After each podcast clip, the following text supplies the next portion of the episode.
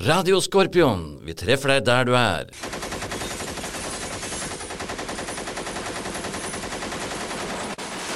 Eh, Da lurer jeg på om vi mm, skal spørre redaktøren om han har noe eh, erfaring med jul ute, jul hjemme. Du har vært ute på julaften. Ja, jeg har vært eh, i hvert fall tre ganger. Jeg blir, man blir jo litt usikker. Og så hadde jeg en fjerde som var litt spesiell òg, med jul. Ja. Så jeg var jo i Norbat da jul i kontingent 22. Det var jo i 88.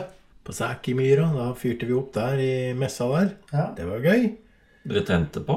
Nei, vi fyrte opp julemat. Ja, det var sånn, jo ja. stor stæsj. Og så var det den der Skasup-flighten. Ja. Vi måtte jo tidlig bestille alt vi skulle ha. Og så var det en, han som var kjøkkensjef, han hadde jeg gått på sturskolen i lag med. Kjetil Ingvær. Han uh, var jo i 21 og skulle være med i 22. Så han hadde jo bestilt alt mulig av de gode sakene fra Norge som kom med Herkulesen. Så var vi henta det. Det var jo ribbe og pinnekjøtt og røyk og laks. Det var jo sånn For ribbe var ikke så lett å få tak i hos slakteren i Nei. Nordland. Nei.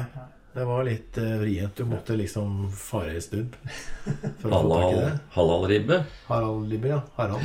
Harald-ribbe. Det var jo kjempeartig sak i. Det var jo å stæsje seg og pynte seg og langbord og Så var det jo å kjøre julemat ut. Vi må jo hente en del. Altså alle som var på posisjonene rundt omkring i Norbat Aula. Fikk jo tilkjørt julemat og var henta på formiddagen. Så var vi oppe i Saki